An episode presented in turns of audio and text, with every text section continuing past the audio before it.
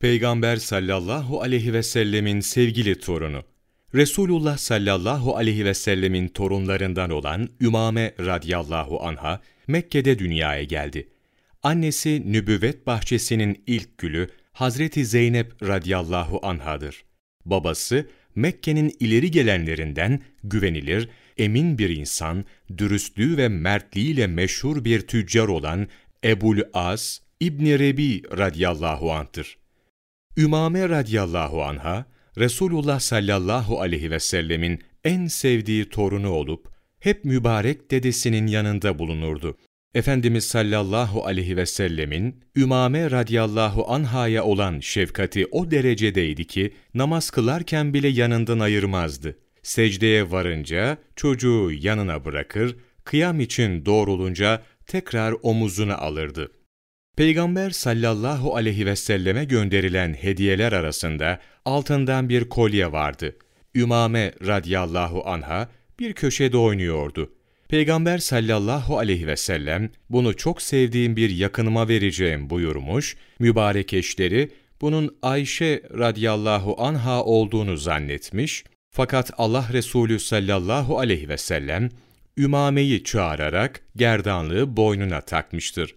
Ümame radıyallahu anh'ın ilk eşi Hazreti Ali radıyallahu an'dır. Aslında Ümame radıyallahu anh'ın babası Ebu Las vefat etmeden evvel kızının Zübeyir bin Avvam radıyallahu anh ile evlenmesini vasiyet etmişti. Ancak Hazreti Fatıma radıyallahu anha vefat etmeden önce Hazreti Ali radıyallahu anh'a yaptığı vasiyette ben vefat ettikten sonra evlenmelisin.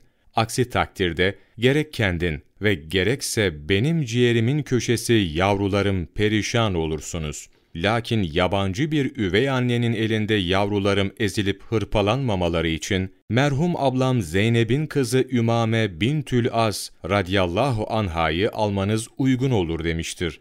Hazreti Ali radıyallahu anh da bu vasiyeti yerine getirmiş ve Ümame radıyallahu anha ile evlenmiştir.